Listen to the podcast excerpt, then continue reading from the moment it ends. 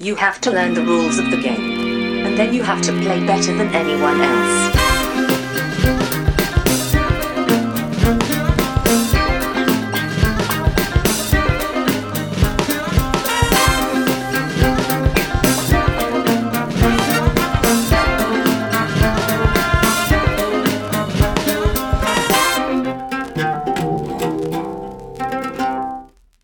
Hej och välkomna till Vems tur är det mellan turerna? Podcasten där vi pratar om spel. Jag heter Marcus Wissman, med mig har jag som vanligt min bästa vän och kollega Linda till min Valentin, Johan Järryd. Ja. Det är tydligen jag kämpar med att hitta något Ja. franskt radarpar. ja, precis. Men det här är också, eh, det är lite, eh, jag säger, jag är lite serietidningsfan och det vet jag att du är också. Eh, Du är kanske lite mer så här Marvel-hållet men du läser allt möjligt också. Liksom. Och men Linda och Valentin är någonting som jag liksom in, inte har gett mig på ännu. Okej. Så det är lite så här ett, ett gap eh, i, du vet, en sån där nästan måste-grej om man ska kalla sig en serietidningsfantast. Fast jag aldrig har liksom Ja, läst mm. den. Så att jag, jag känner mig lite som en bedragare kanske. En liten imposter tills jag har den. För det känns som en typ här klassisk stapel i, i, i serietidningshistorien på något vis. Inte som Tintin men lite åt det hållet liksom så här. Ja, man känner igen det. Jag läste mycket Linda och Valentin när jag var yngre. Alltså, när det väl var nytt, jag säga. Det kanske inte är. Jag vet inte exakt när det är från. Om jag ska vara helt ärlig. Men jag läste mycket när jag var liksom i eh, ja, men tidiga tonåring kanske. Eller något sånt. Eller tidigare. Ja precis, men jag tror att det är väl det som är målgruppen också för den typen av... Ja, jag tror det. Ja. Jag lånade väldigt... Det fanns på biblioteket på vår skola så fanns det en, eh, ett par Linda och Valentin. Och bland annat en som hette... Nu kollar jag upp detta nu för att jag var, blev nyfiken. Men Det stigande vattnets stad. Den läste jag många gånger om och om igen. Jag vet inte varför jag gillar just den så mycket. Men jag, jag tyckte det var kul då i alla fall. Ja, Och sen Men- kom det ju en eh, film för några år sedan. Som inte var bra. Alls. nej. Eh, Jag Nej. vet inte jag, har inte, jag har inte sett den eller hört talas om Nej, den. här, det behöver du inte göra heller. Skitsamma. Eh, Jag, jag tog ett franskt nu då för att... eh, Ja, men vi har ett lite franskt ämne idag. Jag, ja, det kan man säga. Men jag ville, bara, jag ville, följa, upp, jag, jag vill följa upp med det här med Linda. och- Jag, jag, då som, jag kan inte prata utifrån Lindas perspektiv eftersom jag inte känner till henne då. Eftersom att jag fick vara Linda Nej. idag. Nu blev du Linda för att det kommer först i Linda och Valentin. Ja. Men eh, jag vill också säga att Frankrike, de, de häller ju sig bra serier. Alltså högkvalitativa serier. Gör de det? Ja, det är gör det de. inte belgarna som gör det? Ja, För men det- det fransmännen just det, när- också. När jag skulle hitta liksom en franskt radarpar så var det ju väldigt mycket belgare liksom. Ja, Jag kommer ihåg när jag varit i, eh, i Paris. Man står på, på, på typ några av de här eh, gars, alltså typ tågstationerna och tittar i. Mhm. Så är det väldigt mycket serietidningar. Men också serietidningar, eller tidningar om serietidningar. Men jag förstår inte ett ord franska tyvärr. Så jag, jag har ju aldrig riktigt Nej, så slagit nej. till på någonting där. Men det brukar komma, här, jag är ju en, en, en ivrig proponent och eh, prenumerant på Fantomen. Och eh, Fantomen har ju, de får in ganska många så här, andra serier så att säga i, i Fantomen. Och många av dem är, är franska, eller så här, har ursprung i Frankrike av Mhm. tecknare och, och manusförfattare. Så att, eh, ja, Ja. Enki Bilal är ju en sån här eh, fransk eh, eh, tecknare som har gjort både film och, och den här Nikopol-trilogin är väl hans mest kända egentligen. Som jag tycker är bra. Också. Mm. Men eh, det finns inga... Nikopol är inte en, eh, ett radarpar. nej. Eller ja, det Okej. är väl Nikopol och Ra då, eller vilken det nu, gud nu, är, jag kommer inte ihåg riktigt.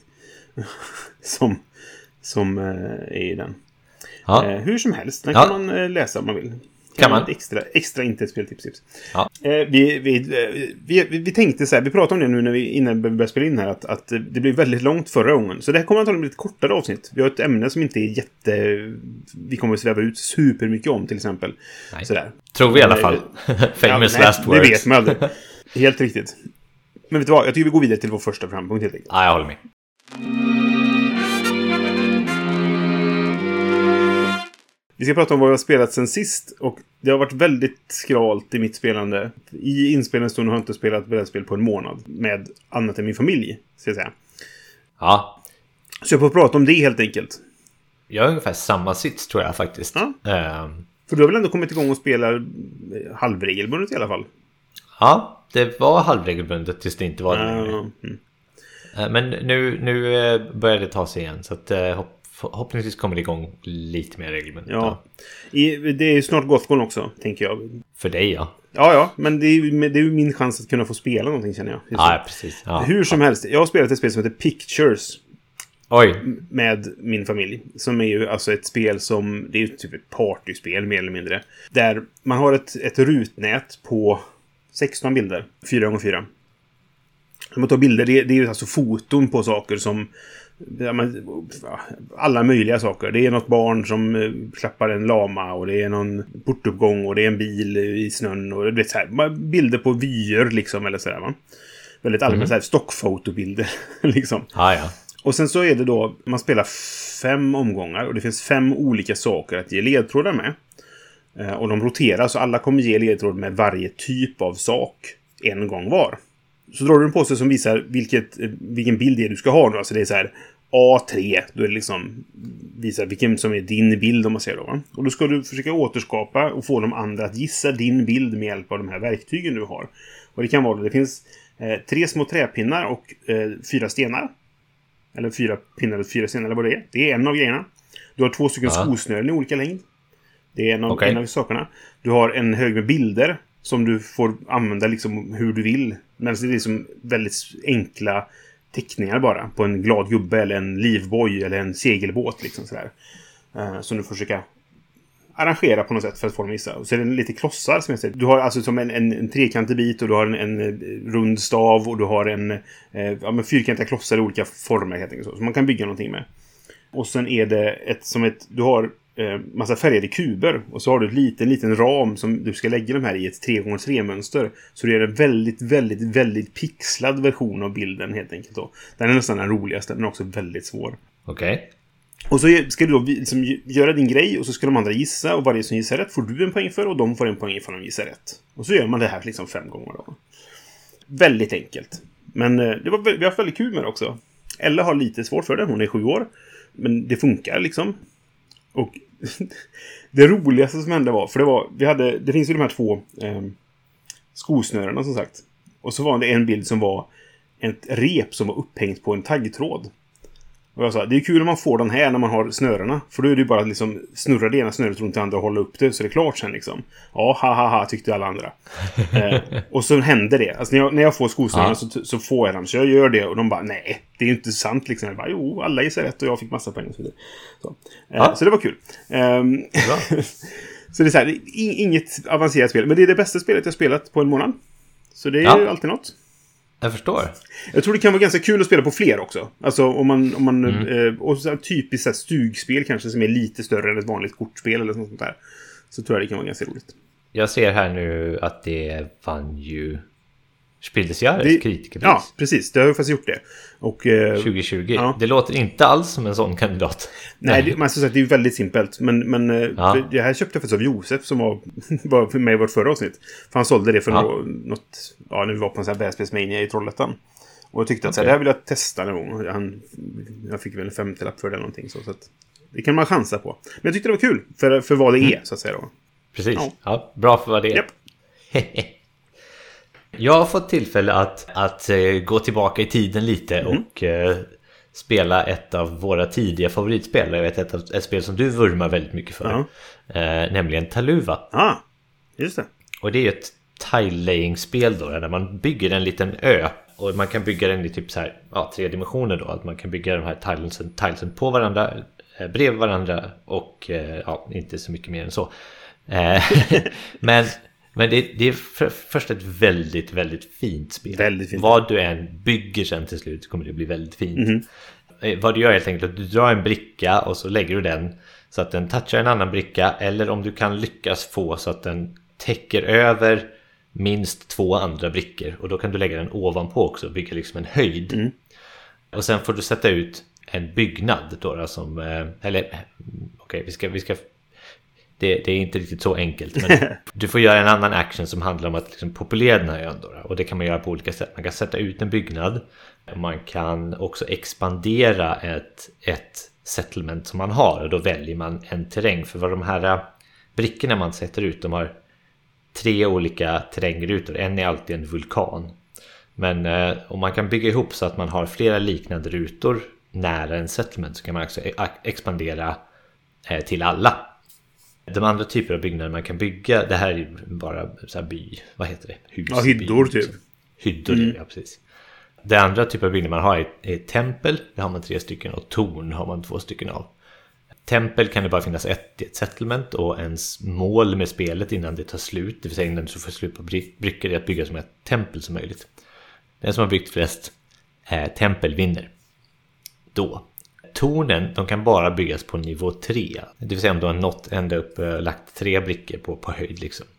Och de är ju tiebreakers då. Det är, det är också en del av ett annat winning condition och det är att man fått ut alla sina byggnader. Ja, precis. Eh, det- är, mm, är det inte två sorter du ska ha fått ut? Två, förlåt, två sorter Ja. du ska få ut. Precis. Du kan få ut till exempel alla dina tempel och alla dina byggnader, äh, hyddor. Eller alla dina torn och alla dina tempel. Ja, så. Precis, och det, och det finns då är det 20 hyddor, tre tempel och två torn. ja exakt så. Eh, Och sen är det så här, det finns ett winning condition till. Och det är att om motståndaren, eller den andra spelaren, du vinner ifall din motståndare inte kan spela, ställa en byggnad på sin tur. Just det, så är det också. Eh, Vilket är att för när du expanderar så expanderar du till en viss terrängtyp. Från, en, en, en, så här, ja, från den här rutan så expanderar jag. Men du får spela ut fler ifall det är högre upp. Så att är det... Exakt, ja, Ja, du ska inte komma dit. Är det, ni, var det jag skulle två, komma så till, kommer ja, du precis, ja. ställa två hyddor där. Och det, det finns en Ja. risk där att göra sig av med för många hyddor så du till slut inte kan ställa ut på din tur och så förlorar du istället. Liksom. Du kan, när du lägger en bricka så kan du lägga över en, en byggnad. Eh, inte ett tempel eller ett torn, men du Ja, kan lägga över, eh, över hyddor. Så, och det kan, du det kan du dels använda för att sabba för motståndarens settlement. Då, då. För eh, en serie med sammanhängande byggnader är ett settlement. Då. Och man vill ju ha tre eftersom att då kan man sätta ut sina tre tempel. Det. Man, man kan inte ha bara ett stort settlement, då får man bara plats med ett tempel. Så man vill egentligen avgränsa det där. Och till det kan man också använda den här till sin fördel. Att man lägger på en, en bricka mitt i ett eget settlement. Mm. Och eliminerar några hyddor. Men helt plötsligt har du två settlement. Och Då ska du sätta bygga ut två ett tempel till. Liksom. Ja, nej, precis. Det är ett väldigt smart spel. Ja, det är det. Väldigt enkelt. Mm. Och reglerna är typ fyra sidor tror jag. Och jättesnyggt. Och det kom ut... När fasen kom det ut? 2006 tror jag.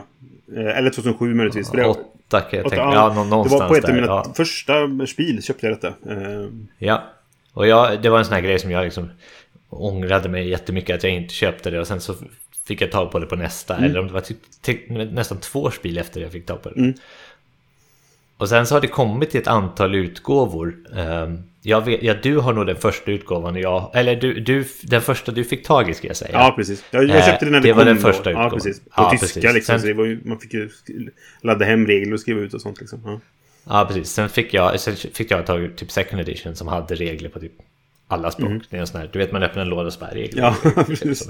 ja. Så finns det en engelsk där i till slut. Eh, Och sen så finns det en deluxe edition som jag tror var en Kickstarter också. ja, jag tror det. Som är Den- en större utgåva. Eller all, allting är större. Ja, så. det är så här tjockare brickor Ja, tror jag eller någonting sånt där. Jag har två utgåvor. Eh. Jag, för jag köpte den... Eh, de, de släppte en expansion också. Och den ser annorlunda ut. Det som är i den eh, är, gjort till second edition. Så att det, det, det Jaha, gick inte okej. att, att matcha. Och sen är det så här, det är ett bra spel. Så jag, jag köpte en, en begagnad vid något tillfälle. Så nu har jag två utgåvor. Den första utgåvan och andra så att säga. Men jag har inte deluxe-utgåvan. Och jag, jag skulle väl vilja ha den. Men den är oftast lite dyr när folk säljer den. Ja, den är, den är ganska... Ja. Ja, eh, den går för ganska mycket pengar. Men den är också jättefin. Ja, den är jättefin. Vet inte hur lätt det är att få tag på idag.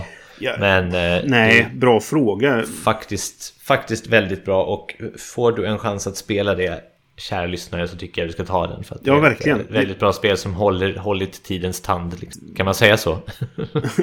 hållit, för tidens Ja, tand. precis. Ja, men det, är- det är väldigt värt att testa helt enkelt. Jag ska kolla nu ifall det faktiskt går att få tag på. Om det finns i butiker liksom. Det finns i svenska butiker. Okej, inte Ja. i alla, men i några. Finns det också, Gå och köp. Tyska butiker kan man nog hitta det i. Och det är språkoberoende när du väl får tag på, liksom, regelboken. Det fanns i en svensk butik. Ja, hur, hur som helst. Men det är, det, är en, det är alltså ändå 17 år gammalt. Mhm. Så det, det har varit ett tag som jag tror inte det fanns att få tag på. Det, ja, men visst här- så är det nog. De gjorde den här deluxe-grejen på Kickstarter och sen så fanns det väl ett demand liksom så att man tryckte upp en gång till. Ja. Kan jag tänka mig. hände. Ja. Nej, men visst så är det nog. Okej, då går vi vidare Ja. till vårt huvudämne.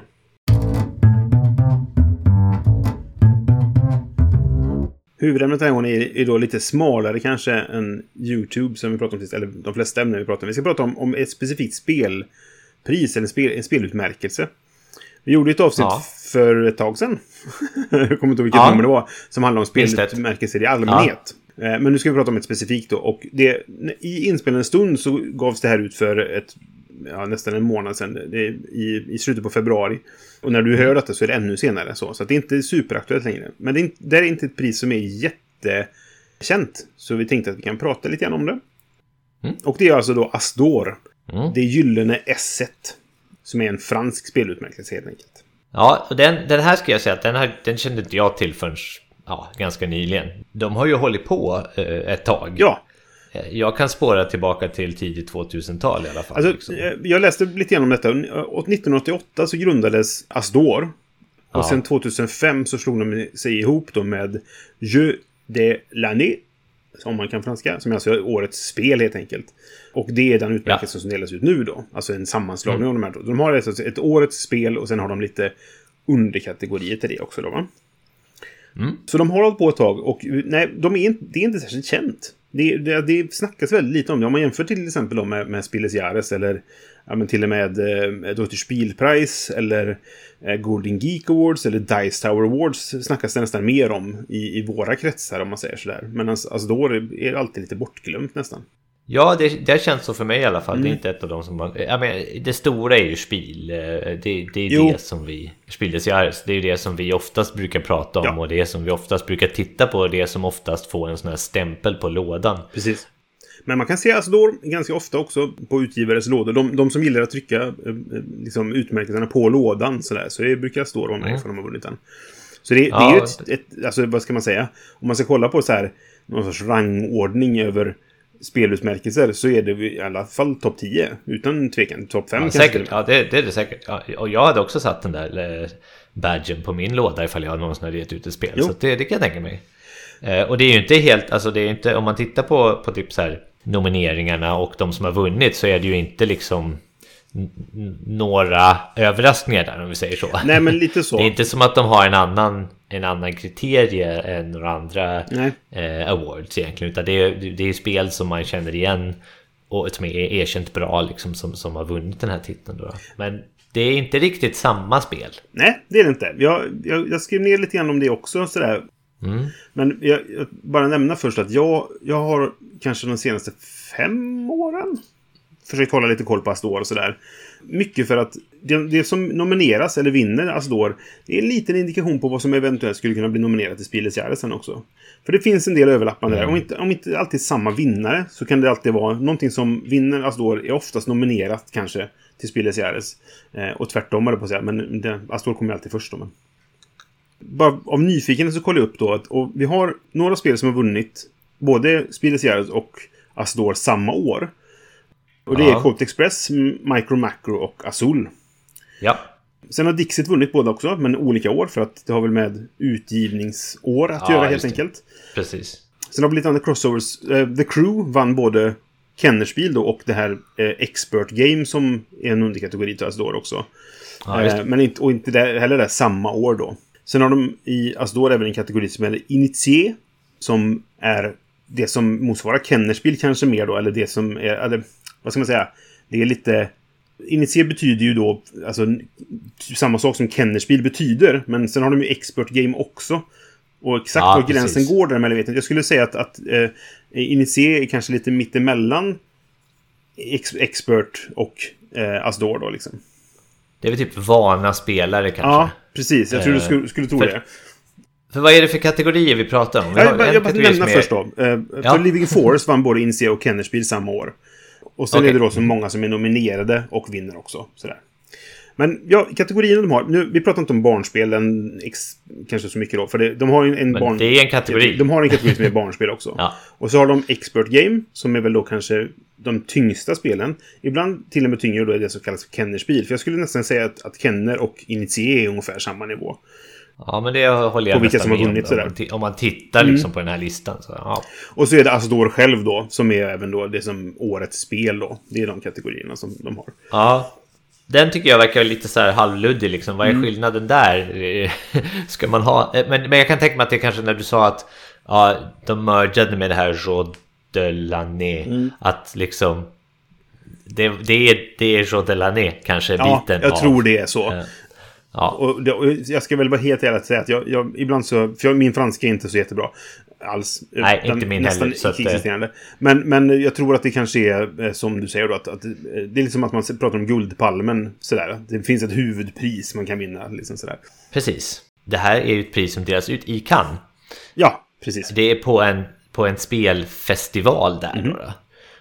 Festival du jeu tror den heter helt enkelt. Jeu betyder ju spel på franska. Om man inte har koll på det. Precis. Cannes Festival International Jeux. Mm, precis. Och det verkar som att det är typ så fem dagar eller någonting, kanske mer sex dagar mässa för spel. Eller kanske inte mässa, för att det är inte riktigt som spel vad jag har förstått Nej, det känns som. mer som en blandning mellan ett svenskt konvent och en mässa. Precis, för det, de har grejer som rollspelsturneringar och såna här grejer. Och, mycket turneringar är typ så här, jag tror varje dag är det typ en schackturnering och så här, turnering i alfabet. Och, det, ja, grejer. precis. Eh, och så signeringar av spel och såna här grejer. Men också utställningar och olika aktiviteter precis som på spel då. Mm. Men det verkar, det verkar, nu har inte jag, som sagt, jag kände inte till det här överhuvudtaget innan. Men nu har jag liksom, ja, researchat det lite då, på grund av att vi skulle ha det här samtalet. Och det verkar ju faktiskt som en jäkligt kul, kul grej att gå på. Jag tror det, för det, så, Ehm, det känns som att det ändå är ganska stor, stort arrangemang. Men inte bara fokus på sälj som det är på spel, utan det är en hel del fokus på spelande också. Eh, Precis, jag tror exakt. att Ben Maddox gjord, har varit där och gjort ett, ett avsnitt till sin podd, eh, Five Games for Doomsday. Ja, om okej. den här. Jag för mig det, eller så blandar jag ihop det med något annat han var på. Men jag för mig att han var där eller något sånt där. Det, det finns, jag har sett lite grann om det tidigare. eh, Men det mesta som finns är liksom på franska och då... Då försvinner jag. Men, ja, precis. Men så är det ju Cannes också. Nu, nu, nu föreställer jag mig Cannes som någon slags solparadis. Men det är ju faktiskt i februari. Så man eh, Ja. kanske, kanske inte är så himla roligt där. Men, men det, de har en så här ut, ut... eh, Alltså det verkar som att mässans venue spiller ut mot stranden. Så att det är liksom lite uteaktivitet. Det ver- verkar ganska, gammal, ganska mysigt helt enkelt. Det kan det säkert vara. Det jag kan tänka mig är att eh, Precis som Tyskland är väldigt tysk så är Frankrike ännu mera franskt. Så att det, det är så här, Ja. man kommer, man kanske kommer dit och om man inte förstår franska så kanske man inte, kanske man har lite svårt. Så Kan det vara. Det, det där är en sak som, som man på spel möts av. Att inne på mässan så är det ingen problem alls att ta sig fram med, engelska. Förutom Nej. möjligtvis vissa så här spelantikvariat liksom. Men går du Ja, utanför precis. mässan, då kan du stöta på patrull ganska snabbt ifall du inte kan lite, lite konversationstyska i alla fall. Sådär, liksom. Ja, Eh, jo, då precis. kan du få allt möjligt på din hamburgare. Så att, eh, ja. Och, och det, jag, jag kan tänka mig att det är ungefär likadant i Frankrike. Då. Att på mässan så kan du säkert ta dig runt eh, med engelska. Men vi vet ju såklart Nej, inte. Så nu drar vi en massa Ja, slutsatser. vi får fråga Flavien, eh, min fran- Ja. franska vän. Han var ju där. Och, eh, vinnaren för årets spel är ju dessutom utgivet av, av företaget han jobbar för. Precis, han jobbar ju för ett förlag också. Ja, exakt. precis. Hachette. Fick de lite reklam också. Men i vilket fall. Eh, Ja, vinnarna vad är det för då? spel? Mm. Ja, precis. Vinnaren av Asdor nu då, eller eh, årets spel, eh, eh, Jeu Lenné, det är Akropolis. Som jag pratade om i, för ett par avsnitt sen faktiskt, att jag hade spelat. Mm. Ja, Eh, apropå Och då- då- Taluva då- också. som vi jämförde med. ja, ja, precis. Som vi jämförde det med. Precis. exakt. Och som andra jämfört med också. För det finns en del likheter i just att man kan bygga... Eh, for, formerna på brickorna är lite liknande om man bygger på höjden. Ja, precis. Det är lite fulare bara. Men, En eh, Taluva, ja. Jo, det, Ja. absolut. Alla spel är fulare än Taluva, mer eller mindre. Eh, Ja, ja. ja, ja det har du rätt. Och där var ju du ganska tidig med att, att, eh, att kolla en, en nomini till, till uh, Spillesgörare. Så det här Ja. kanske är en tidig indikation på att du vet vad du pratar om. Brisse. Kanske. Alltså det känns som ett typiskt spel som skulle kunna vara så. Och när jag såg att det hade vunnit fast då kände jag ja men då är jag inte helt ute och segla i alla fall. Utan det, det kan vara så. Det är ett väldigt simpelt spel. Som, det finns ju lite extra regler som man kan göra lite mer avancerat. Men det finns ganska mycket djup i den lilla regeluppsättningen som är. Eh, och det är ju ett typiskt Spieles Jahres och kanske då också ett typiskt Astor möjligtvis. Så jag kände att så här, det, det här tror jag kan gå långt eh, i, i den svängen. Och ja, tydligen så, så var jag inte som sagt helt borta och, och ve- velade liksom. Men du hade inte hunnit spela det här Nej, va? precis. Nej. Du spelar Taluva nej, istället. Ja, jag spelar Taluva istället, precis. Som också är ganska djupt med simpla regler. Taluva är, egentligen en elegantare eh, så. Men det är för att jag spelat det mycket mer också än vad jag spelat i Akropolis. Men jag tror vi pratade om det här. Jag tror att vi hade den på våra SN preview-listor och, och, och tänkte så här. Ja, men, det ser ju ut som Taluva. Behöver vi ett nytt Taluva? Och jag är väl fortfarande lite av den åsikten att jag, jag, spelar gärna det här men jag tror inte jag kommer köpa det bara för att få spela det. Då får jag lita på det, försöka vara en brädspelspusher så att någon annan ja, men alltså, in det. Liksom. Om vi någon gång ses och kan spela då tillsammans så, så har ju jag det. Eh, och jag kommer behålla det ja, för jag tyckte det var det. riktigt bra. Det, det är annorlunda från Taluva. Så vi, vi, kan, jag vet inte vi går in på jättemycket detaljer om hur det går till, för det har vi pratat om i ett, ett avsnitt tidigare. Men, men det, det, är ju alltså, du, du, man, man skaffar, du har en, en marknad med brickor som är den här formen då, som jag vet inte om, man, om den heter något speciellt, men det är tre hexagoner som sitter ihop. Just det. Du kan betala för att, slippa, för att hoppa över och ta en senare, lite som i Small World till exempel. Och så kan du bygga ut de här och så kan du bygga på höjden. Och så finns det liksom fem olika färger som du får poäng för. Och du får poäng för eh, dels hur många byggnader du har av en viss typ. Eller de skårar på lite olika sätt. Men sen måste du kombinera det med att ha torg i samma färg. För du får liksom en, en multiplikator då för de torgen du har. Så man måste liksom bygga på lite båda sätten egentligen. Just. Och så det här med att du bygger på höjden gör också att, att saker som är högre upp är värt mer. Varje nivå över den första är liksom värt eh, ett mer helt enkelt. Mm. Men ja, väldigt smart design helt enkelt. Välförtjänt att vinna ett sånt här pris i alla fall. Ja, jag, jag ser som sagt fram emot att spela det. Mm. Och det är så här, vi lägger det på listan till de spelen vi ska spela när vi ses ja, nästa gång. det tycker jag eh, absolut. Som nu är rätt långt. Men... Redan, för det var ett tag sedan vi sågs och spelade spel. Förutom i, när vi var i Spiel. Eller i ja, ja, ja. Men då spelar ju inte du och jag så mycket, märkte vi ju. När Men då tar vi inte med spel som vi har på den listan. Det, verkligen inte. Det är ju ett helt annat beteende. Ja. Så är det. Nåväl. Sen har vi då Expert Game och där är ju återigen jag har jag inte varit helt ute och seglat. För det är Arknova. som ju då är Nej, min favorit. Och det är ju återigen tycker jag ett, ett välförtjänt vinst. Jag antar att han vunnit den här ett år senare än från det det kom ut för att det har kommit på franska först under ah, det, 2022 precis. då. Eh, och det är väl, eh, har vi ingenting att säga om egentligen. Nej, vi har sagt att vi... Eh, tycker vi då. Nej, precis. Jag tycker det är välförtjänt. Det är ett väldigt bra spel helt enkelt. Ja. Som också får en hel del skit för att vara för, för tråkigt. Ja, en del folk och sådär. Och för mycket slump. Ja, så det, all, alla gillar det ju inte. Ja. Nej. Men jag är ju väldigt förtjust i Arknova. Ja, och jag med. Ska ju sägas. Så att, eh, ja precis, och där ska man bygga en djurpark. Ja. Eh, jag vet inte om vi behöver Nej, vi har pratat så, om det jättemycket. Eh, vi har pratat om det också ja, i ett annat avsnitt. Så att, ja. Och sen har vi då Initié, och det här är väl ett spel som varken du eller jag har spelat. Och det är Challengers. Nej, jag har inte spelat det. Men det, det låg på min SN mm, preview-lista. Och jag var lite intresserad av det just då. Av, jag vet, minns inte exakt eh, anledningen, men jag såg väl däckbilder antar jag. Och tyckte jag att det. det verkar kul. Och just att det, det var lite enkelt. Det, det verkar vara lite ganska snabbspelat. Mm. Man bygger den till så tablå av typ ja, några hjältar eller någonting sånt där och så ska de slåss mot varandra. Det ja men precis. Liksom var, var kontentan av spelet då. då. Jag tycker, för mig, jag tyckte att det såg tramsigt ut. Eh, både, alltså framförallt lådan och liksom temat kändes väldigt tramsigt. Capture the flag står det här ja. på Borgen att det handlar om. Tydligen. Ja, Ja, precis. Men, men det, det känns ändå som no någonting i det som lockade mig då. Och nu har det fått ett pris och då börjar jag få ja. ögonen för mig igen. Så att jag är så här, ja men det här måste jag pröva nu. Mm. Jag tror att det har fått hyfsat betyg av vissa personer. Jag har för mig att eh, Tom Bassel tyckte det var jätteroligt. Ja. Eller så var det tvärtom. Men jag har för mig att det var någon, någon på Dice Tower som gillade det väldigt mycket. Sådär. Och som sagt, vinner ett pris då är det inte, kan det inte vara helt... Eh, åt fanders. Eller så kan det det, Nej, för även dåliga spel i våran smak vinner priser. Men uh, upp till åtta spelare också, så att uh, det Oj, ja. uh, kan ju vara...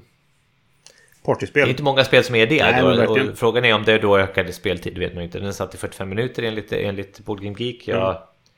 det, det, brukar man ju kunna ta med, med, med en nypa salt, men om man då är åtta spelare, jag vet inte. Nej, Nej, precis. Nej, jag, jag, är inte jättelockad av detta. Men, eh, men skulle det vara så att du skaffar det för att du blir nyfiken och vill spela med mig den här gången vi ses och ska spela alla spel. Så, ja. så säger jag väl inte nej, helt enkelt. För då får jag spela med dig i alla fall. Ha, exakt. Jag blir lite nyfiken kan... på när vi kollar ja. på detta, eh, så här, juryn då hur, hur de väljer ja. ut det och så vidare. Jag, jag slog upp det. De har en liten så quote som, om vad, vad, hur, de, hur de jobbar liksom. Som jag tänkte läsa. Det är så här. The jury consists of passionate players who are all renowned actors in the gaming sphere and base their selections on the following qualities that a game must have. Captivating and addictive power. Vad det nu betyder. Uh, ja. The originality and aesthetics of the product itself. visual and tactical appeal and the quality of the rules. Vilket säger väl inte jättemycket egentligen. Jag tycker det är captivating and addictive power. Ja. Eller ska det vara kul att man vill spela igen? Addictive power, det är det som är grejen liksom. Ja, det är väl spelet som har en power då. Det känns som att det är en sån här lite halvöversättning va? Eller, Ja, det, det känns som att de har typ eh, att, att, Google att det är ett Translate. fängslande Ja. spel helt Ja, enkelt. jag skulle tro att det är det. Det känns som det är lite, Ehm. ja precis, Babelfish translated från, från franska liksom. Men det, det, det som är kul är ju att de tar även in hur spelet ser ut. Vilket eh, man inte alltid liksom bryr sig om, känns det som. Ja, okej. Ja. Nej, det är ju en intressant debatt om inte annat. Mm. Så här, ska, ska det ha betydelse? Vi har pratat lite om det i, i illustrationsavsnittet och för oss så har det betydelse. Jo. Men egentligen borde man, ska, ska man värdera på det liksom? Eller ska man helt enkelt göra som, som, som vi gör i Fenix, att man har det som en separat eh, eh, liksom Jo, betygsgrej? men i Fenix så slås det också ihop till ett gemensamt betyg på 2 till 20. Så det, Ja, det det är är ju en det ju, del. absolut, Sen så ska man väl säga, det, är- det är inte bara eh, illustrationer i, i, i Fenix, utan det är ju helhetskänslan Nej, det är ju och, komponentkvalitet och mycket sådana saker Ja, ja, också. visst. Men, men, men jag, jag tycker ju att det är väl inte helt fel att ha med det som en bit. Kanske inte Nej, bara det typ så här, hur heller. fina bilder är det, utan just det där, hur, hur estetiskt tilltalande är det?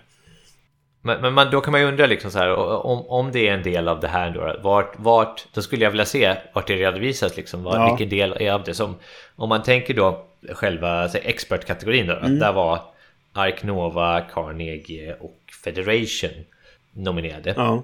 Jag har inte spelat Carnegie och jag har inte spelat Federation, jag har hört bra om båda två Mm. men eh, jag, eh, det har bara inte hänt. Men Arkinova är ju inte liksom känt för att vara vackert direkt. Nej precis, så liksom hur mycket vägde det in? Nej. Om man tittar på de där tre spelen liksom, så, så, så hur var, hur Ja, var nej, den här. Mm. balansen? Det, det hade kunnat varit intressant för en som vet sin preferens. Liksom, så här, så, eh, men jag tror inte man får den djupare. Och det vore bara konstigt om, om, om, de, om de redovisar det på det sättet också tror jag. Det är säkert någonting man kan, man kan gå och fråga typ.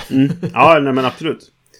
Eller om det finns någonstans. All information som jag hittar om just det är på, på, på franska. Ja, jag. ja. Nej, och det, de har säkert en motivering. Precis som Spelet Jares har en motivering varje år där de säger att det här spelet vann för att, eller det här spelet är nominerat för att. Det läser de alltid upp under nomineringsceremonin eller eh, prisutdelningsceremonin sådär. Eh, Men sen glöms det bara bort och så säger bara det här är bra eller dåligt. Juryn är dum Ja. liksom. Eh, Sådär. Men eh, nej, men jag tyckte det var intressant ändå att, att, att det är en del av det. Att det, estetiska då. Eh, alltså det visuella är en del av, av det. Ja. Alltså. Men Ja, även, även tactical appeal är en del av valet. Och reglernas kvalitet. Ja men det är inte att eh, alltså Man kan ju sitta med ett riktigt bra spel som har skitregelbok. Ja, nej men det, ja, det tyvärr stöter Det är man bra på kanske veta ja. det up front. Ja, nej men absolut. vad man ger sig in i. Ja, nej, men det, tyvärr stöter man ju på det alldeles för ofta med Ja, regelböcker som är alltså, rävdåliga sådär. Men, eh, Mm. men om man kan ta sig förbi det så kan det ibland finnas ett bra spel där ändå. Mm. ja, ja. Oftast är det ju så att man fokuserar kanske på att få mekanikerna rätt. Liksom. Och sen hur man sen förmedlar beskrivningen av det, det vill säga hur man får andra att, att förstå dem. Mm. Det är, är, är ju en, en, en, säkert en högst varierande skill Ja, jag hos, hos tror, folk. jag tror helt ärligt att det görs för lite blind speltest. Ja, eh, och kanske typ, ja precis. Alltså det, det, det du skickar Rent ut quality spelet. assurance på att man sätter en grupp med spelare, Ja. ger dem reglerna och så tittar man på hur de... Hur, hur går det när de börjar spela liksom? Ja, precis. Eh, Men alltså det, Ja. det, ja, precis. För jag tror att de flesta speltest sker med någon som förklarar reglerna och sen så Ja, spelar man precis. liksom. Eh, Och att det, det är för få test där någon faktiskt testar regelboken som en del av speltestet liksom. Nu spekulerar vi igen, men eh, det, Jo, det känns lite som jag- att eh, alltså- eh, det kunde mycket väl vara det som är fallet. En, en grej som jag vet då, alltså jag speltestade ju lite för Fantasy Flight Mm. en gång i tiden liksom, och där gavs vi ju möjligheten att inputta på reglerna också. Liksom. ja. För att vi, vi fick det liksom utskickade till oss att spela med vår spelgrupp och, och då blir det ju att man liksom tittar på hur bra förstår man reglerna Mm, jo, eh, samtidigt. Men jag tror att man behöver vara ett företag som, som har lite resurser bakom sig för att kunna sätta upp en sån funktion och en, och Ja, ja. supportorganisation bakom det också. Så att om man är liksom en liten utgivare så kanske inte det är det första man tänker på att sätta upp. Liksom. Nej, det är svårt att hitta den Utan där. man tänker snarare på hur ska jag få ut mitt spel? Ja, nej men visst så är det väl. Men jag menar, ett eller två sådana borde man kunna göra. Det gjorde fan till och med vi när vi gjorde spel en gång i tiden. Just det. Men det var ju för att vi pluggade speldesign också och, och liksom sånt där. Vi visste fallgroparna lite grann. Just när det gäller, när det gäller sådana saker då. Men jag tänker på hur, hur ofta är det inte man spelar ett spel och så sitter man och så bara hur, hur kan den här situationen inte ha uppstått i speltest? Ja, ah, just det. Och mm. att det inte finns en lösning för det. Att det finns ett exempel i regelboken eller något, någon notis om det. Eller att de har skrivit om regelboken så att man kan förklara den här saker som borde ske ganska ofta. Ja. Då blir man så här, hur, hur mycket speltestas det egentligen? Man kan ju ha olika approach på det. Liksom så här, jag, jag tycker det som Stonemaier gör är väldigt, det är nästan exemplariskt. Att de har en slags eh, balanseringsfunktion där man kan rapportera egentligen sin, sin, sitt resultat i spel. Mm. Och, och andra saker. Sen är de liksom upfront med att okej, okay, vi kanske inte gjorde rätt rätt balansering i våra speltest. Mm. Men nu har vi fått in tillräckligt mycket information från er spelare som gör att vi kan, vi kan göra en balansjustering och så släpper de en virtuell regelbok. Eller någonting sånt där. Va? Så att man. Nej, och det, det, det är lite tvåeggat det där. För att det, lite grann så kan du se som att kan inte göra spelet rätt från början. Medan det är ju kanske, det är bättre då att göra så än att släppa ett spel och sen så, det här funkar inte så bra. Ah, ja, skitsamma, spela något annat då. Alltså, om man säger så. Ja. Det, det är en balans där på något sätt liksom. Men det här rätt från början är nog väldigt svårt jo, tror jag. Det är det. Alltså, det, det, det, det, krävs rätt mycket resurser och rätt mycket tid framförallt ja, att göra det. Liksom. Och, eh, oavsett, det har vi sagt tidigare i podden, eller jag har pratat om det tidigare tror jag, just att, att, att eh, oavsett ifall du kan speltesta 100 gånger, 500 gånger, 1000, 2000 gånger liksom. Eh, sen släpps spelet till 30 000 personer. Ja, ja, visst. Ja, eller 30 000 ja. ex och så spelas det. Då, då, det, det, det, det går inte att, att, komma upp i den volymen av speltester liksom nej, innan du släpper nej. spelet. Eh, sådär, så det, det, det går liksom inte riktigt. Ungefär som med mjukvaruutveckling kan jag berätta. Ja, precis. Nej, och samma sak. Ja. Det, det är, alltså, vi har pratat om, om Marvel Snap i ett avsnitt. Eh, de, de, det, är, det är ett levande kortspel. Just för att det är digitalt så är det väldigt lätt att ändra på det. De kan ju ändra på faktiska mm. kort ja, ja, i visst. spelet. Ja, ja, ja och har det till sin fördel då. Eh, vilket de gör konstant också. Ja, för att balansera. Eh, precis. Ja, eh, det, var, det kanske inte var så mycket mer att säga om Asdor. Nu kommer vi in på ett, ett ja, regelboks Ja, det var en liten men... tangent där. Men det känns, det känns ändå lite relevant att prata om. Absolut. Och det som kanske är spännande nu då, det är att se då ifall Akropolis får en, en, en och eventuellt Challengers också då, får en nominering till, till Spiel des Jahres. Spiel des Jahres. Mm. Och eller Kennerspiel då eventuellt. Du har ju så här, en, en, en liten rolig grej här då. Eh, jag skulle säga sätta dig här på, på plats lite. Okay.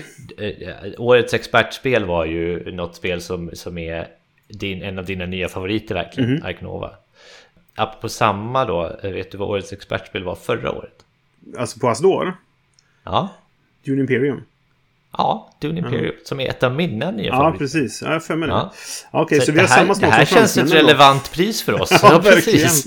Vi, vi har en fransk själ. Ja, tydligen då. Ja, men det var ju lustigt faktiskt. Men det, det, ja. nu när du sa det så tänkte jag, okej, okay, nu är det ju någonting som du har en koppling till. Men så tänkte jag, just det, det låter ja. bekant att det kan ha varit Dune Imperium. Ja, just det. Mm. Ja, kul. För övrigt har också Scythe och Terraforming Mars vunnit expertkategorin. Ja. Och det, det ska också tilläggas så. Alla de här spelen har också varit nominerade till Kennerspiel, men inte vunnit. Just. Så att eh, det, det, finns korrelans där mellan de här två priserna. Liksom, att är det med, vinner eller kommer ner till den ena så är det ofta kanske med den andra och samma år. Eller ja. året efter, eller vad det kan vara. Liksom, så Och det kanske inte är så konstigt när det är bra spel. Nej, nej visst. Nej. Det är väl rimligt kan man tycka. Ja. Då går vi vidare till nästa kategori. Vad heter det inte?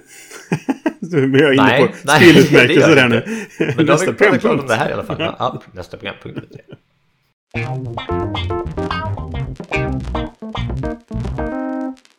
Vi har kommit till inte ett speltips-tipset där vi ska tipsa om mm. någonting som inte är ett spel. Mm. Vad vill du tipsa om Johan? Oh, jag vill tipsa om, nu har jag lyssnat på audiobooks igen. Mm. Jag har ju börjat använda Audible och Just det. lyssnar väldigt mycket på audiobooks nu. Nej, innan, innan du kommer med ditt tips nu då. Så när gör du det? Jag har börjat gå morgonpromenader. Okej. Okay.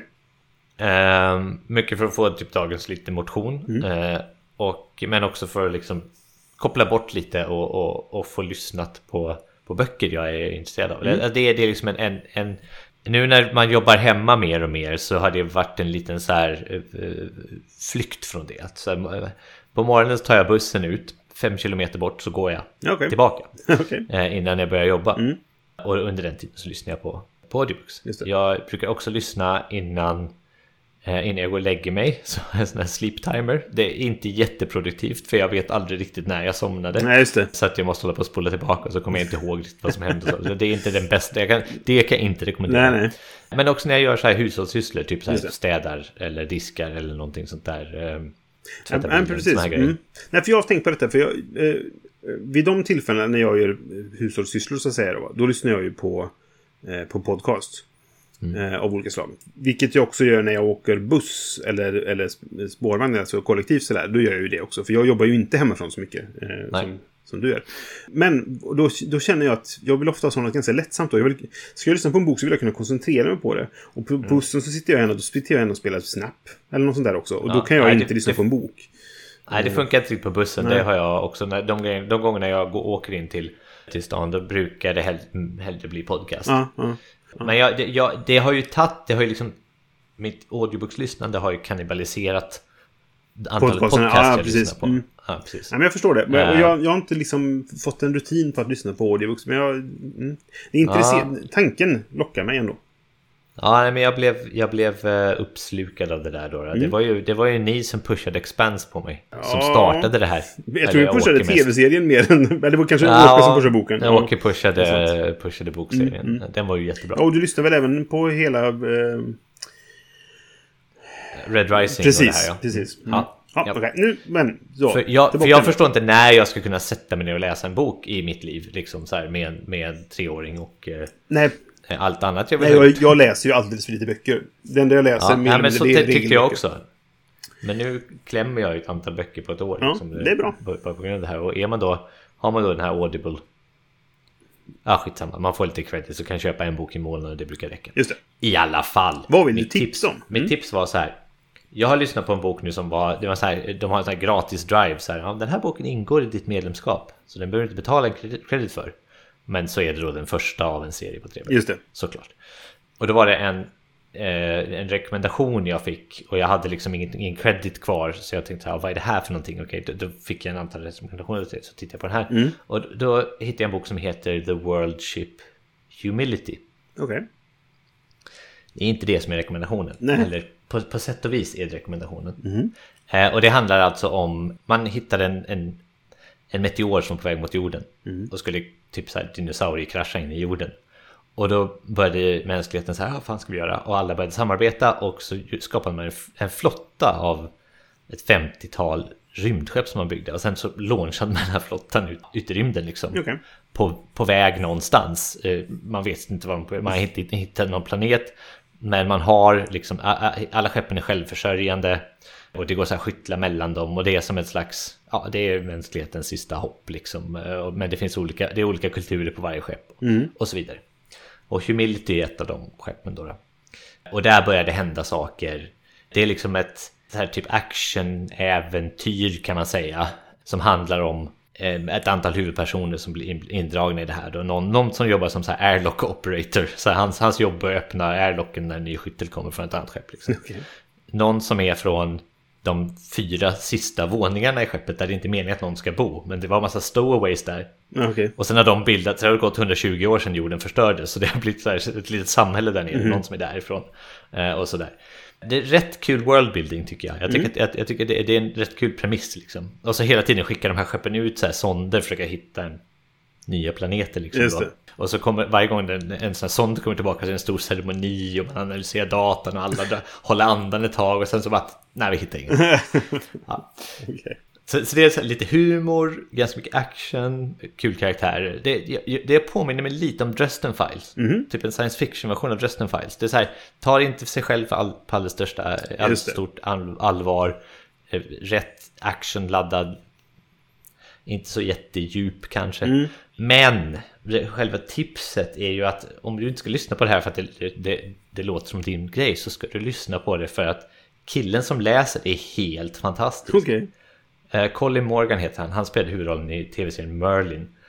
Och han, jag läste en intervju med honom, han säger Ja, jag har alltid velat göra en audiobook och så nu fick jag göra en och liksom vilken stor utmaning det var bla bla bla. Men alltså jag har aldrig Varje karaktär, även en bikaraktär, får en egen röst. Inte bara röstläge utan en egen dialekt. Och, och, han, och det är helt flawless, jag fattar inte hur han gör det. Och jag tycker att det är någonting som man, man borde uppleva nästan liksom. För att alltså det är Ibland, när, den första rösten som kom är liksom en kvinna som berättar om lite historia om från, från så här skeppets databanken om vad det var som hände med jorden och sådär. Och sen så växlar det till en mansröst som, som, som är så narrator då. Mm. Och så inser man att det där var samma person. Hur kunde det? Mm. Hur, alltså så här, jätteskicklig, jätterolig. Han har verkligen gått all in för det. Jag kan Ja, tänka mig att det har varit jätte, jätte, jättestor ansträngning för honom. Men, men det, det är ett nöje att lyssna på liksom. Det svåraste är ju att hålla reda på vilken röst man hade till vilken karaktär. Och komma tillbaka i det. Ja, Liksom. för det, det har jag... Jag tycker, ju- jag tycker det är kul att göra röster när jag läser för det, vår dotter när jag ska natta henne. Ja. Och vi har ju som liksom så här rit, ritual, tradition heter det. Eh, att vi läste Kalle och chokladfabriken någon gång per år liksom sådär. Eh, och det är min Okej. bok som läser bara jag. Charlotte vill inte läsa den liksom. Okej. Och då läser jag. Och då blir det... Då gör man ju röster till, ja, men till Willy Wonka och till alla familjerna och alla ovedervärdiga barnen och så vidare. Liksom, va? Och så blir man så här, Ja. vänta nu.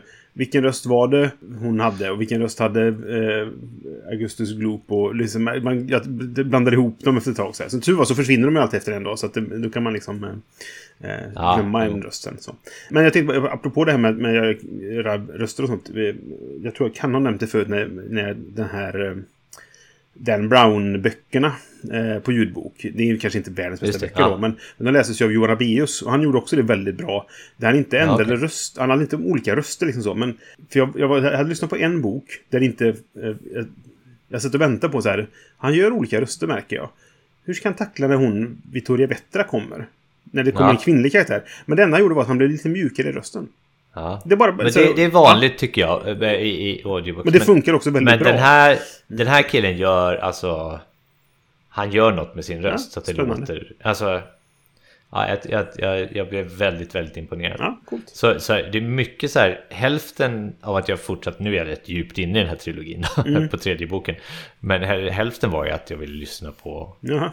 Det är kul. på han och alla hans dialekter. ju. Sen- Det är ju på engelska också, så det är en hel range från typ så här skotsk dialekt till scouse till så här RP och sen upp över till typ Deep South och så liksom så här eh, modern amerikanska. Så det är alltså, han gör alla de där. Det är, ja.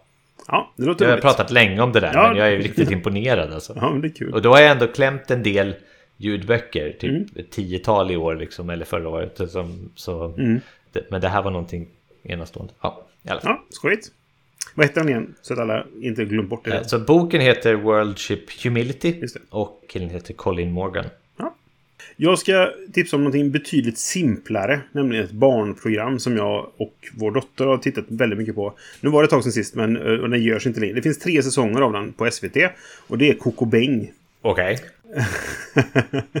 Som alltså, det är, det är tre stycken kids, unga, tjej, unga ba, barn ska jag inte säga, för de, är väl liksom unga tonåring kanske sådär. Men, men de, de här, jag tror de vann något pris eller var med i någon tävling. Eller de var, det var någonting som gjorde att de typ så fick chansen att göra den här serien. Och så är det fyra vuxna också. Som, som eh, handlingen är att de är instängda i SVTs kostymförråd. Jaha. Och sen är det Okej. väldigt... Det är väldigt tramsigt. Och det är väldigt mycket så här. De, de pratar om någonting så går det in till ett sidospår. Det, det, det är jättelöjligt. Men på ett väldigt humoristiskt sätt. Som, Okej. som jag... Alltså, Ella älskade det. Och jag tyckte det, det var okej att se som vuxen också. Det var till och med bitvis roligt att se som vuxen. För att de, Okej. ibland slänger de in skämt som så här. Det där gick över huvudet på barn. Men det var kul Ja. för vuxen liksom sådär. Ja, okej. Eh, och framförallt så har de väldigt bra musik. För i, i varje avsnitt då, det, jag tror det är sex avsnitt per säsong eller något sånt där. Och i varje sånt så är det liksom en låt med. Som kommer någon gång runt mitten på avsnittet sådär. De här hade vi lyssnat, de gick varma i bilen ett tag. Men är, är då musik som faktiskt är även okej för en vuxen att lyssna på. Tyckte jag då. Det Jag, jag, vi, vi satt ju och Okej. sjöng med Ja. de här. Liksom, Ja, Eh, det luktar jätteskumt och allt vad det var. Liksom, sådär. Så att, Man engagerar sig ju som vuxen i det för att ens barn är Ja, engagerad. jo, men så är det. Men vi, Ja. vi hade väldigt kul med detta. Och jag tycker faktiskt att det, det är roligt även för vuxna. Det är ju tramsigt också. Så liksom så här. Men, men vissa av skämten är riktigt kul. Och kul musik också sådär. Och vi har haft väldigt roligt Mm. med vår dotter då. Och hur gammal var hon när ni började lyssna på det här? Eller Ja, alltså hon, här? egentligen är hon nog för ung för liksom genren det, det är tänkt till. Jag skulle tänka mig att det kanske inte att det är nu när hon är sju som hon borde. Men hon var nog kanske fyra, fem när hon började titta på Coco Bang. Och sen har det ju okay. följt med, för då, då fanns det ju bara en säsong tror jag. Och sen har det mm. liksom kommit en två och en trea då. Och nu är det en avslutad story arc. Okay. Som Om man vill ha det också då. Ja, ja. Så, nej men så att eh, vill man ha ett lättsamt barnprogram som man inte blir tokig på för att det är så dåligt, liksom så här, fast ens barn älskar det, så kan jag rekommendera Coco Beng på SVT. Och det är ju dessutom public service mm. och det är ju bra. Mm. som koncept. Ja. Mm. Okej, vi går in på vår sista programpunkt. Yes.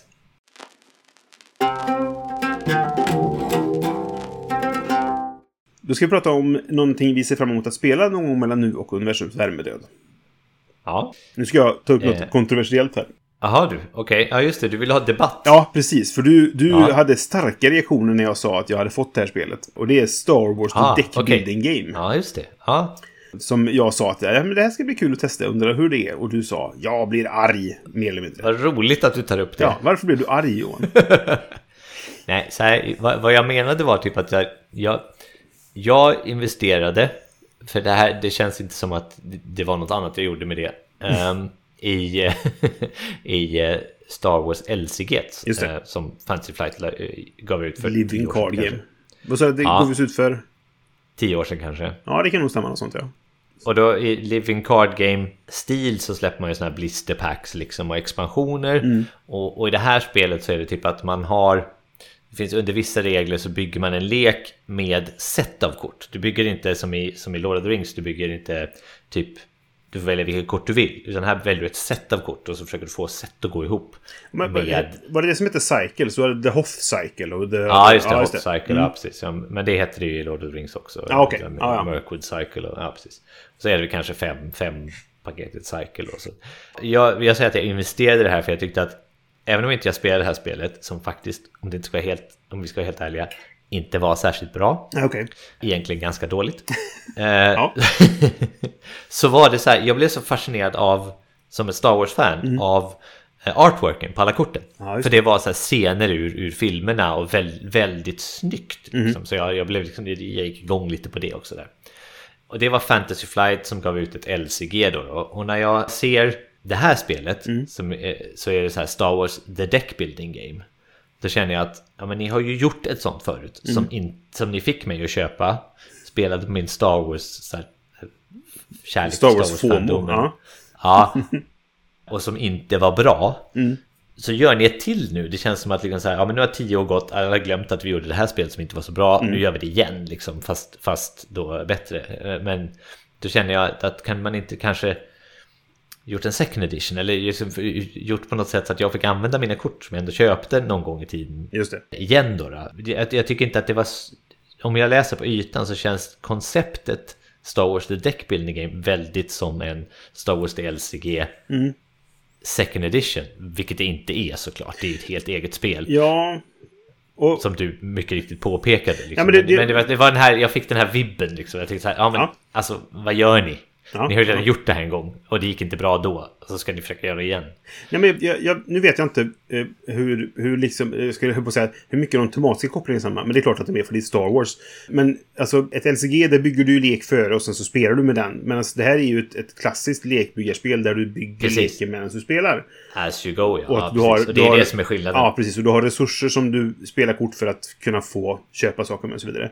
Jag, jag, har inte spelat det än som sagt. Jag ser fram emot att spela det. Jag, jag läste igenom regelboken och det känns lite på ytan som eh, ett, ett Star Wars Rebellion light. Star Wars Rebellion The Card Game. För det, det, är så här, det går ut på att kriga mot varandra. Den som först förstör tre baser vinner. Eh, ja. Liksom sådär. Och det är väl också ett tvåspelarspel? Va? Ja, det är, det är det. Spel. Ja. Många har jämfört det med Star Realms. Som alltså i och med att det, du har... Eh, du bygger typ synergier varje det, finns, det är en gemensam lek som du drar kort från egentligen. Men eh, okay. det är så här, Imperiesidan kan bara köpa Imperiekort och tvärtom. Och så finns det vissa kort som är neutrala som alla kan köpa. Eller som båda sidorna kan köpa då. Men så det verkar finnas lite kul finesser med att du, du kan, du kan skaffa uh, uh, så här, units och sånt. De har du i leken, så spelar du ut dem och sen så liksom slängs de igen och så kan du dra dem igen när du blandat dem och så vidare. Men så har du capital chips som läggs ut och ligger ute tills de förstörs. Och sådana saker. Och du måste förstöra motståndarnas capital chips innan du kan komma åt att förstöra deras bas. Och det är det som är målet med spelet, att förstöra baser och så vidare.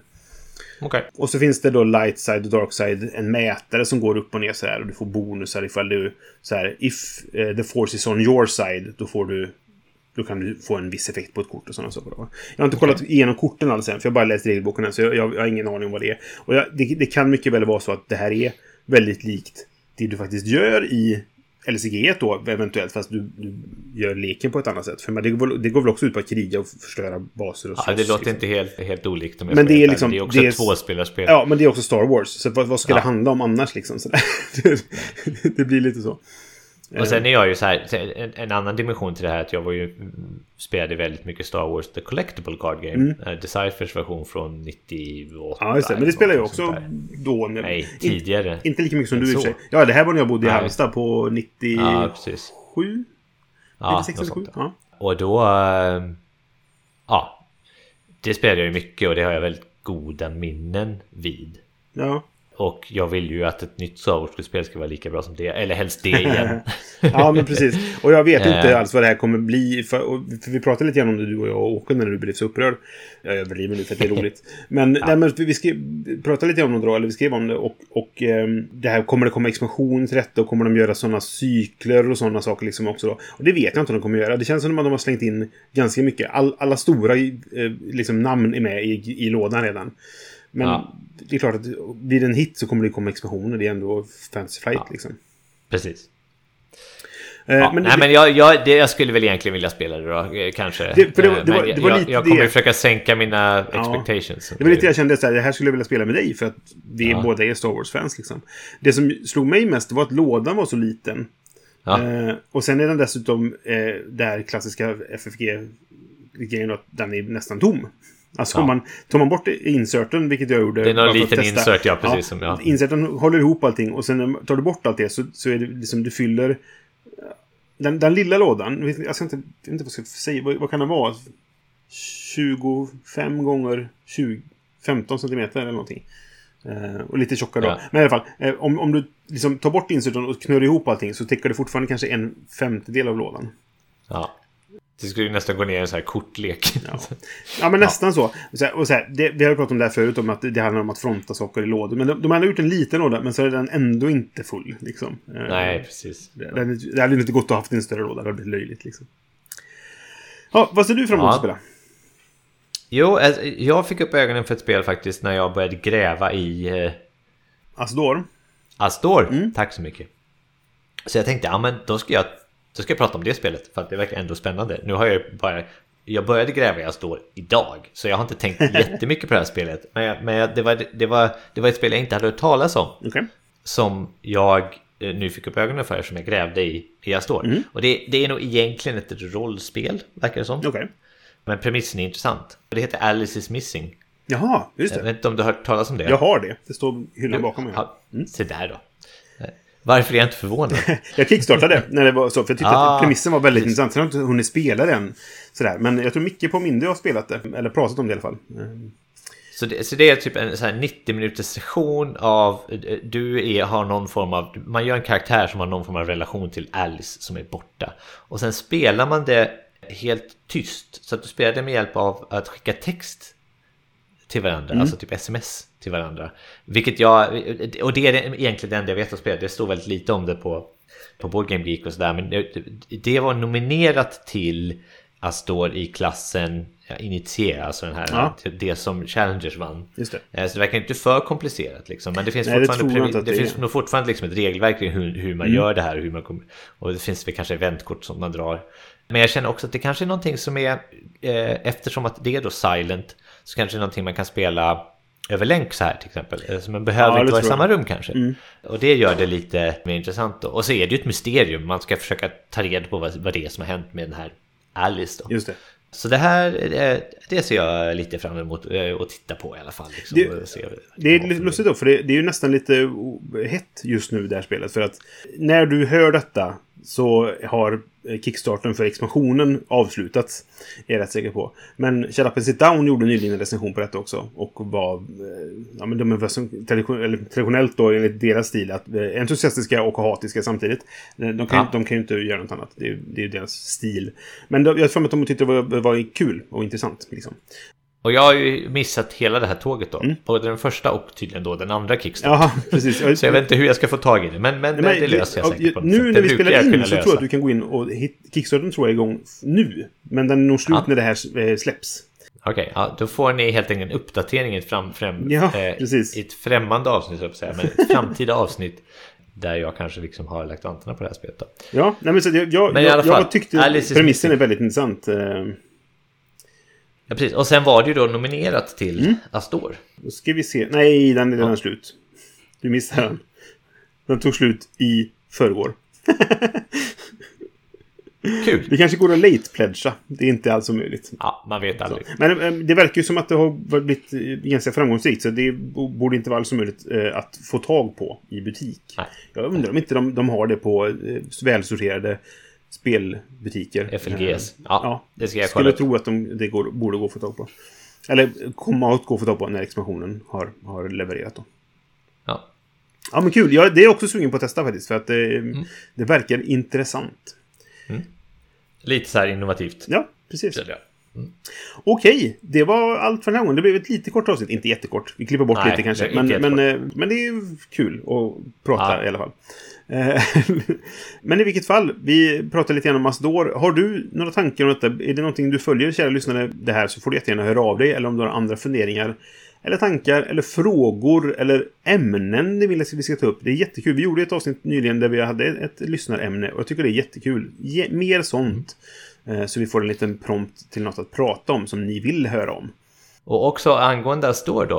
Har du varit på den här mässan? Ja, Eh, Eller och vet hur den går eh, till, festivalen och vet hur den går till så vill vi Jättekul att höra jättegärna höra om det. Ja, det vore jättekul faktiskt. Hör För det kanske är någonstans, det är kanske någonstans vi, vi borde som, som brädspelsrevar Ja, det borde man egentligen göra. Vi, vi känner väl, vi kanske har en ingång där, om inte annat med Flavien då. Ja. Eh, Om han brukar åka så kan vi fråga honom. Eh, Men har du varit där, hör jättegärna av dig. Eller om du så som sagt har några andra funderingar eller sådär. Du kan kommentera på våra avsnitt Japp. när de släpps. Du kan mejla till brisse.spelradio.se eller johan.spelradio.se.